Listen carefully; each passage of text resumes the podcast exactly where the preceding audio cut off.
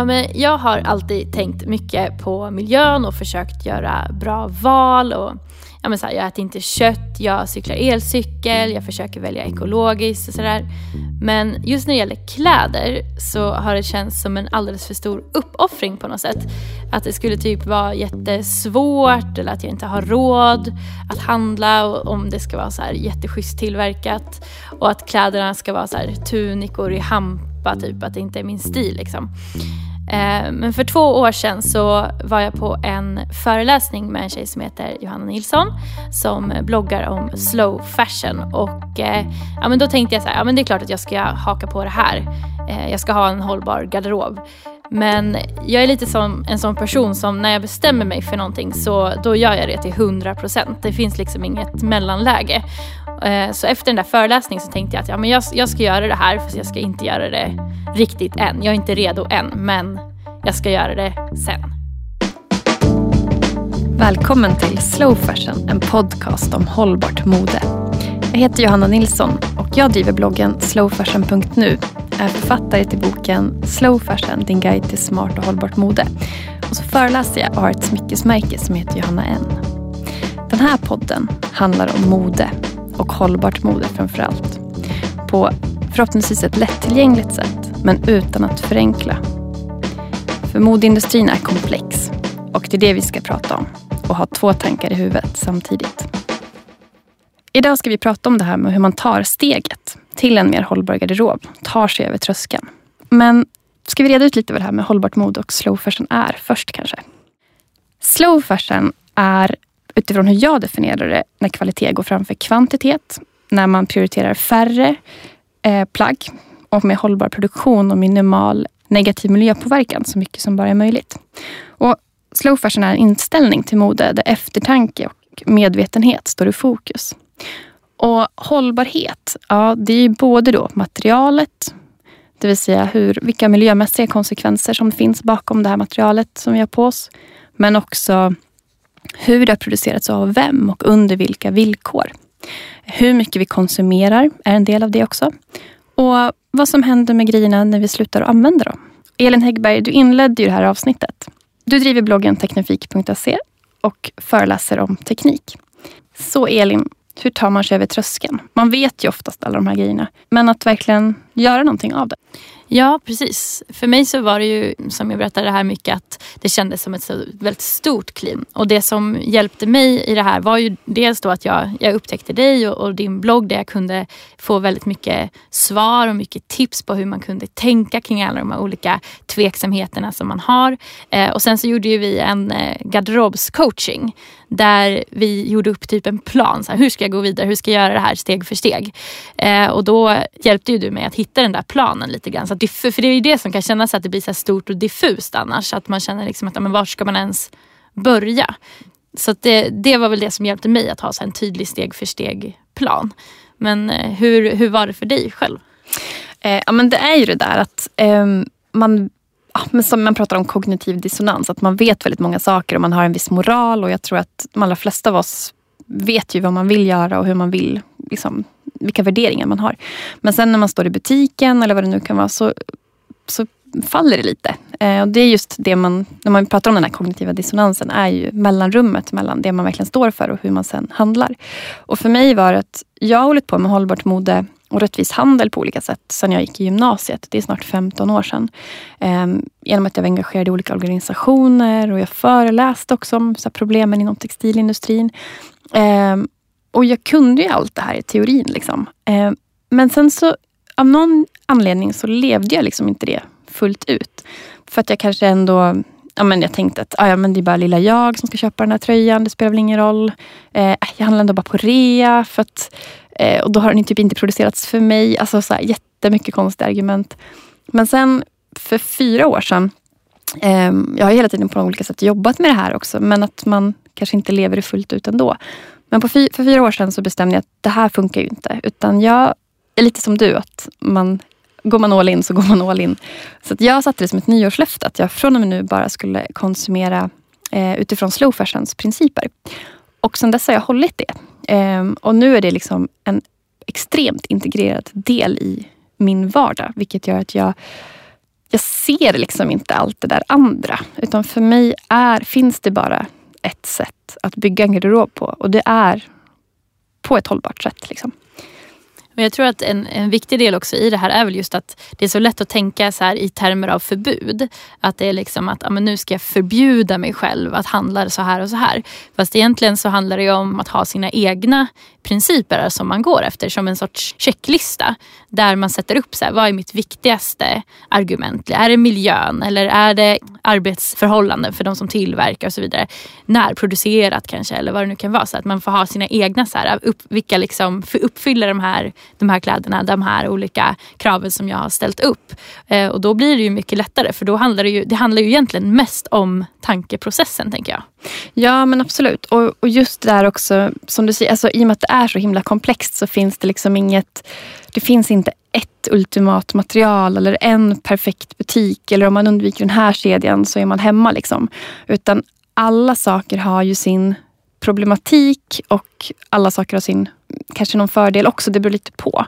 Det är väl just att inte förenkla hela också. Man vill liksom göra det enkelt att ta första steget och det är superviktigt. Och då snackar vi just om inspiration och pepp och eh, ja, men att man verkligen börjar se att det inte är en uppoffring utan snarare att det öppnar sig en ny värld som är mycket, mycket härligare när man börjar leta liksom, de schysst producerade grejerna.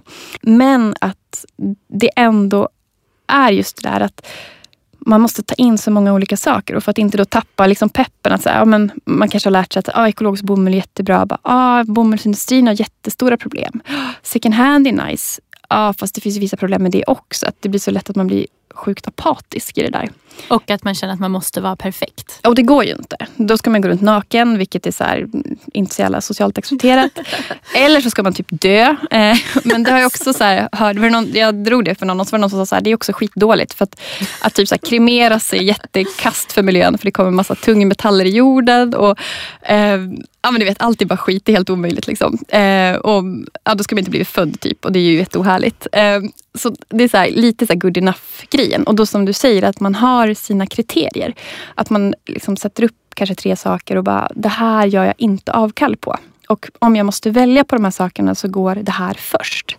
Eh, och det gör ju att man blir också lite lugnare i sig själv. Liksom. Eh, Sådär att, för annars blir man så sjukt förvirrad.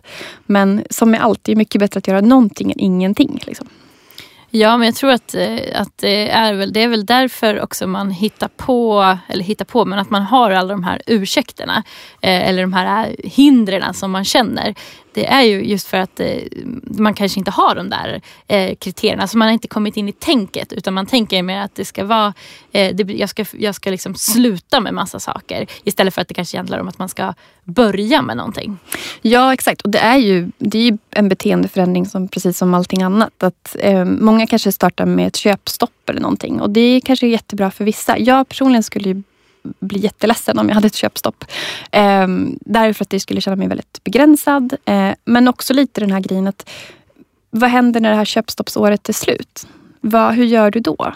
Eh, så just det att det kanske snarare handlar om att göra liksom nya spår i hjärnan. Typ att om du i vanliga fall kastar någonting så kanske du ska laga det. typ. Eller eh, om du, ja, men som du sa innan, att du bara, får jag aldrig mer handla handla fina grejer. Bara, ah, men, ta svängen förbi en second hand-butik då. Eller ring en kompis och styr upp ett klädbyte. Eller ah, surfa på internet. Eller hitta liksom nya mönster.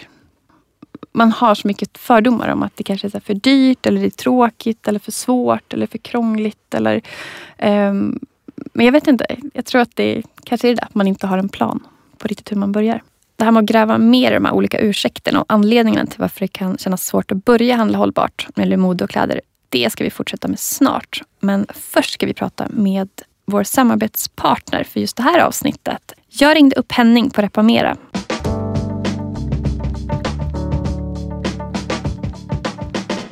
Hej Henning! Kan inte du berätta lite grann vad ni gör? Repamera lagrar kläder online över hela Sverige. Så man går in på vår e-handel som vi kallar e-reparation och så beställer man hem en påse från oss och så lägger man ner sina kläder där. Sen får man tillbaka dem inom 14 dagar. Lagrade, fina och, och jättehög kvalitet så att de håller i framtiden. Men jag tänkte, jag har ju testat den tjänsten själv också. Jag blev verkligen imponerad av hur fint det blev och just det här att alltså jag är inte dålig på att sy men jag skulle faktiskt inte ha fixat det där. Vad, vilka jobbar du med? Och, för jag tänker att du är ju i Malmö. Jag är i Malmö. Jag jobbar med skräddare från hela världen som jag efter mängder av kvalitetstester har kommit fram till att de här speciella skräddarna är superduktiga. Så det, det är de underleverantörerna jag samarbetar med. Det enda Reparmera hjälper till med det är funktionen laga kläder. Vi förser hela Sverige med skräddare via, ja, via att göra det enklare att laga och köpa nytt. Vad kan man laga för någonting då? Byxor är det vanligaste. Mm. Och sen jackor och skjortor och klänningar och kjolar och barnkläder. Eh, och sen nu i veckan ska vi även lägga till skor. Så men då kommer ni börja jobba med någon skomakare och så här, tänker jag då? Ja, helt rätt. Vad, finns det någon begränsning på vad man kan göra? Eller är det, alltså jag har ju någon tro på att skräddare kan liksom göra typ underverk. Ja, de är magiker, jag håller med. Det, än så länge har vi inte behövt eh, tacka nej eller skicka tillbaka något plagg. Men eh, i vissa fall så Eh, så hör kunder av sig med väldigt speciella förfrågningar. Så denna veckan var det en kund som ville sy klänningar till höns. Vi kan absolut sy klänningar till höns men jag skulle gärna vilja ha en bild eller beskrivning hur du tänker i måtten, svarade jag. Så man kan säga att ni kan göra typ vad som helst men helst laga kläder? Helt rätt. Okej. Okay. Men jag tänkte på, um, sen var ju du också initiativtagare till en superhäftig kampanj förra året som heter White Monday. Berätta, vad var det? White Monday samlar cirkulära företag, alltså företag som jobbar icke-linjärt utan mer ta hand om produkterna när kunden har använt klart det. Eh, till exempel göra golv av helt och hållet återvunnet plast eller eh, second hand-butiken Myrorna var med i eh, White Monday och samma dag gick alla ut med samma bild på sociala medier och på internet. Och så blev det jättestora skriverier med 40 tidningsartiklar och TV4 Nyhetsmorgon och TV4 Ekonominyheter och allting om den här dagen. Ehm, så istället för att peka finger mot de som köper nytt på Black Friday så säger vi att köp nytt om ni vill och, vill ni inte det så här samlar vi White Monday det är måndagen innan Black Friday. Här samlar vi alternativ som är cirkulära affärsmodeller och delningsbara affärsmodeller. Ett nytt sätt att konsumera helt enkelt. Jag tänkte Black Friday växer ju för varje år där i slutet på november som den största liksom rea och kampanjdag med fokus på nykonsumtion. White Monday är liksom en motreaktion eller vad man ska säga. Helt rätt, för den här nykonsumtionen är ju helt flipprig. Mm. Att eh, alla i Sverige vet om att vi, vi bränner fyra jordklot Eh, och det innebär ju att alla vi som individer förbrukar fyra gånger så mycket energi och vi köper nytt fyra gånger för ofta. Eh, och börjar man då handla cirkulärt eller använda delningsbara modeller så kan man minska det här fyra jordklot till kanske tre jordklot. Och sen har vi fortfarande två jordklot kvar som vi måste ta hand om.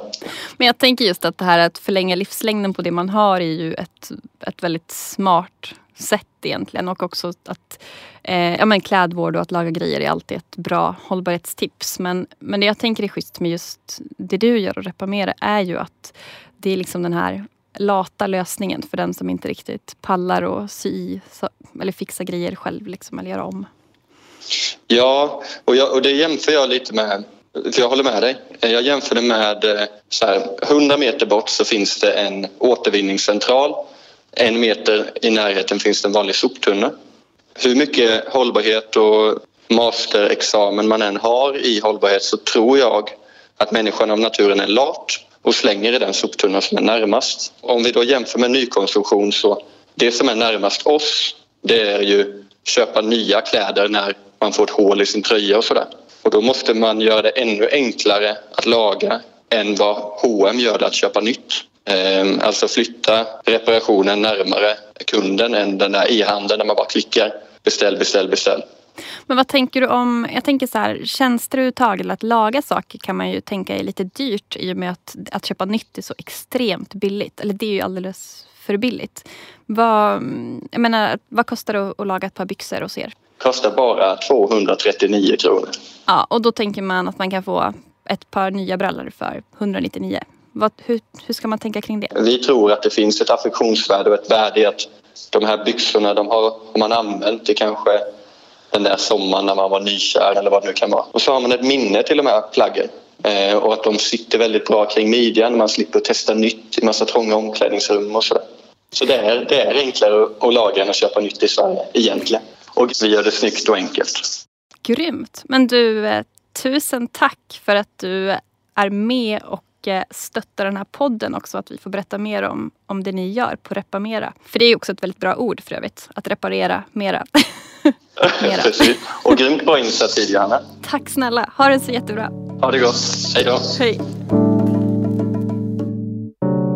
Ja, det här med dyrt och billigt är ju en ständig tanke kring kläder och mode. Um, och min vinkel på det är ju att det, ja, kläder är ju för billigt. Och att det är lite det vi fastnat i. Att vi tycker att det är rimligt att betala 49 spänn för en t-shirt och så köper vi en ny när den går sönder eller vad det nu kan vara. Ehm, vad är dina tankar om det här under din omställning eller vad man ska säga? Ja men det är klart att det är en, en stor faktor i det för att är man van att handla på kedjorna och framförallt kanske på rea eh, då, då får man ju en helt annan uppfattning om vad kläder vad som är rimligt att kläder ska kosta. Och eh, ska man sen börja betala då det verkliga priset, alltså vad kläder kanske då på riktigt kostar om man ska tillverka dem. Alla ska få bra lön, det ska vara ett bra material. Eh, då är det ju dyrare i stunden eller vad man ska säga. Men det som man eh, kanske glömmer bort i det där tänket det är ju att eh, när man köper bra kläder så är ju också tanken att man inte ska köpa lika mycket. Så det tänker jag är väl det som var liksom, eh, den största upp, eh, uppenbarelsen någonstans. Att eh, det är inte, om man börjar tänka i det här långa perspektivet, vilket väl är hela poängen med det här med att man ska tänka slow. Då är det ju faktiskt inte, om man liksom slår ut allting över tid, så kanske det inte är så mycket dyrare egentligen. Eller vad, vad tänker du? Nej men precis, man kan ju tänka pris per outfit eller pris per användning eller vad man ska säga. Um, vad har du på dig förresten? Jag har på mig en eh, det låter, förlåt, det låter som en äcklig telefon, uh, usch raggning. Men Inget. Elin har på sig kläder.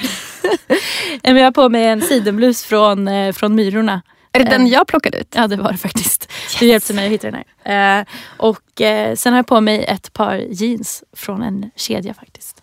Men som jag tog ett väldigt hållbart beslut om att köpa efter att jag hade försökt att hitta jeans på andra sätt. Men jag hörde lite skam där. Ja men det är lite jobbigt sådär att eh, tycker jag ändå när man har gjort det här beslutet att man ska inte göra det. Och sen så eh, lyckas man inte. Då, då är det lätt att känna sig lite misslyckad faktiskt. Men är det mer tävlingsmänniskan i dig än någon slags yttre skam? Eller vad man ska säga? Svårt att säga faktiskt. För så känner lite jag. Att, att det är det där, men fan jag har ju lovat mig själv. Eh, bättre kan jag. Liksom. Men du kanske kommer ha dem väldigt länge och du hade också tänkt, som du sa, just det här att man har sina kriterier. att Jag antar, för jag har lite samma grej med vissa, framförallt jeans har varit så. Att man är så, men för att jag ska kunna använda ett plagg extremt länge så måste det vara vissa passforms grejer och jag har inte hittat något hållbart märke som kanske matchar det. Eller... Ja men exakt, det, det måste ju passa någonstans. Det är ju mm. liksom ändå kriterium nummer ett och, och, för om kläderna inte passar så kommer man inte använda dem. Mm. Eh, och i, i, mitt fall handlar det också om att jag hade ju försökt alla de vanliga andra vägarna. Jag har försökt att hitta hållbart tillverkade jeans men det har inte funkat i min passform. Men det blir också lite att hela processen blir mer slow. Alltså att man blir lite mer medveten. Att man, man blir ganska allting. Man spontanar ju inte lika mycket för att man vill liksom göra sin research och att det är ganska kul. Och sen när man väl har hittat någonting så blir det mycket mer värdefullt också för att man har lagt ganska mycket tid på det. Eller så kan jag känna att man har verkligen eh, Ja, det finns en, en betydelse inte bara liksom affektionsvärdet till exempel då, som, som Henning på Repamera pratade om utan just det här också, bara researchtiden gör att det blir mer värdefullt också. Liksom. Ehm, jag har på mig en sidenblus från eh, Stockholms Stadsmission. Eh, och sen, så det är second hand och sen har jag ett par sidenbrallor också från eh, också second hand. Ehm, och det är också så här asskönt material som och när man hittar det second hand för typ inga pengar alls. Det är ju galet liksom. Det var en sån här befrielsegrej eh, som jag minns när, när vi pratade om, om, om den här omställningen första gången när du coachade mig lite i de här steg för steg grejerna. Och när man pratar om så här, ah, men det, är så, det känns så dyrt. Och så sa du, ja, men, eh, du kan ju alltid handla på second hand. Om du vill så här, gå och bara så här, shoppa loss. Eh, gå till Myrorna och shoppa loss. Och typ, är det något som inte funkar, lämna tillbaks tillbaka sen bara. Och det har jag verkligen så här, tagit till mig för när man får den här shoppinglusten. Liksom, eller när man är så här, åh nu vill jag köpa något nytt till den här resan eller vad det kan vara. Så går man till Myrorna och sen så shoppar man loss där istället. Jag tänker också det, att liksom just det här, pratar om just beteendeförändringar, att man hittar, att man också ska analysera sig själv och sin konsumtionsstil ganska mycket. Liksom, är man en person som, som tycker om mycket nytt ofta, jag är ju en sån person som, jag är ju ganska så här fast fashion, liksom, personen som rimligtvis, om jag inte skulle bry mig om hållbarhet så skulle jag ju handla på liksom, kedjorna och köpa jättemycket nytt och ledsna och så eh, men att det går att göra hållbart också. Att klädbyten är min bästa vän. Eh, second hand är skitnice. Jag kan ha grejerna en stund och sen lämnar jag dem vidare. Eh, jag kan, typ, ja, men det finns eh, uthyrningstjänster, det är också jättehärligt. Då har man grejerna typ en månad och sen skickar man tillbaka dem. Eh, och sen basgrejer, typ jeans eller så här, då köper jag liksom som jag har länge. Men sen då får jag liksom ledsna på sakerna. Eh, och att de, min garderob är liksom mer det är inte en slutstation utan mer en hållplats på vägen. För det är ju det där också med, man pratar om hållbart mode. Så det är ju ett vanligt, man, många pratar om att man måste bli minimalist typ. Eller att man ska köpa, vi pratar om de här dyra, dyrare, eftersom det är mer rimligt pris, nyproducerade plaggen. Som är ja, men, i liksom schysst material, bra kvalitet, bra producerat under liksom rättvisa villkor. Eh, men det är ju inte hållbart om du sen använder grejerna två gånger. Ehm, så man måste ju tänka så också. Liksom. Så vem är du Elin i det där? Är du en sån som har grejer tills de går sönder eller ledsnar du?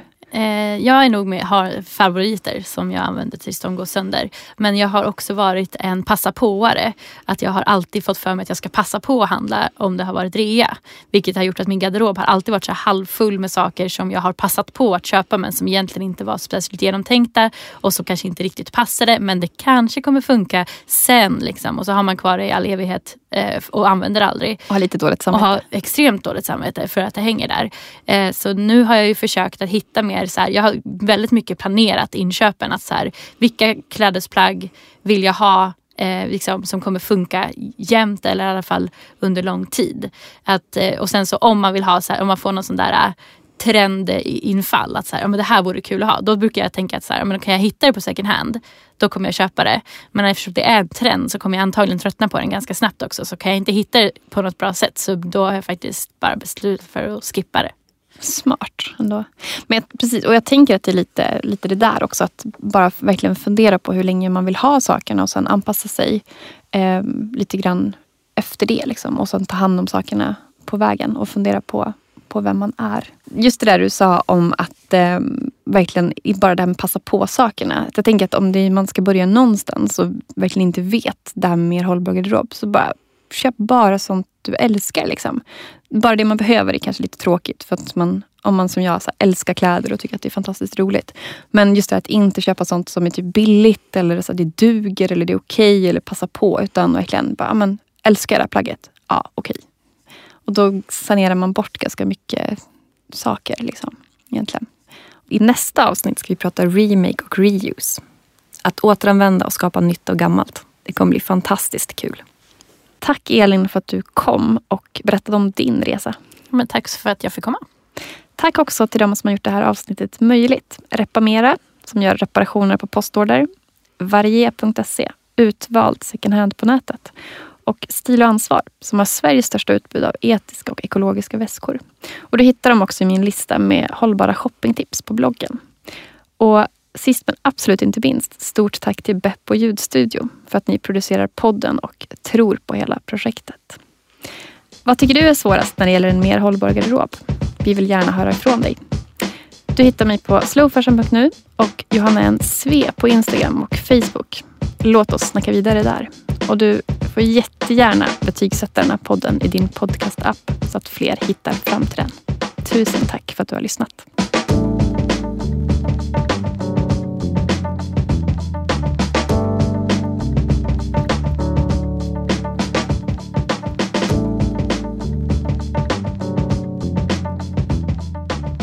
Det här programmet görs på Beppo. Beppo. Beppo.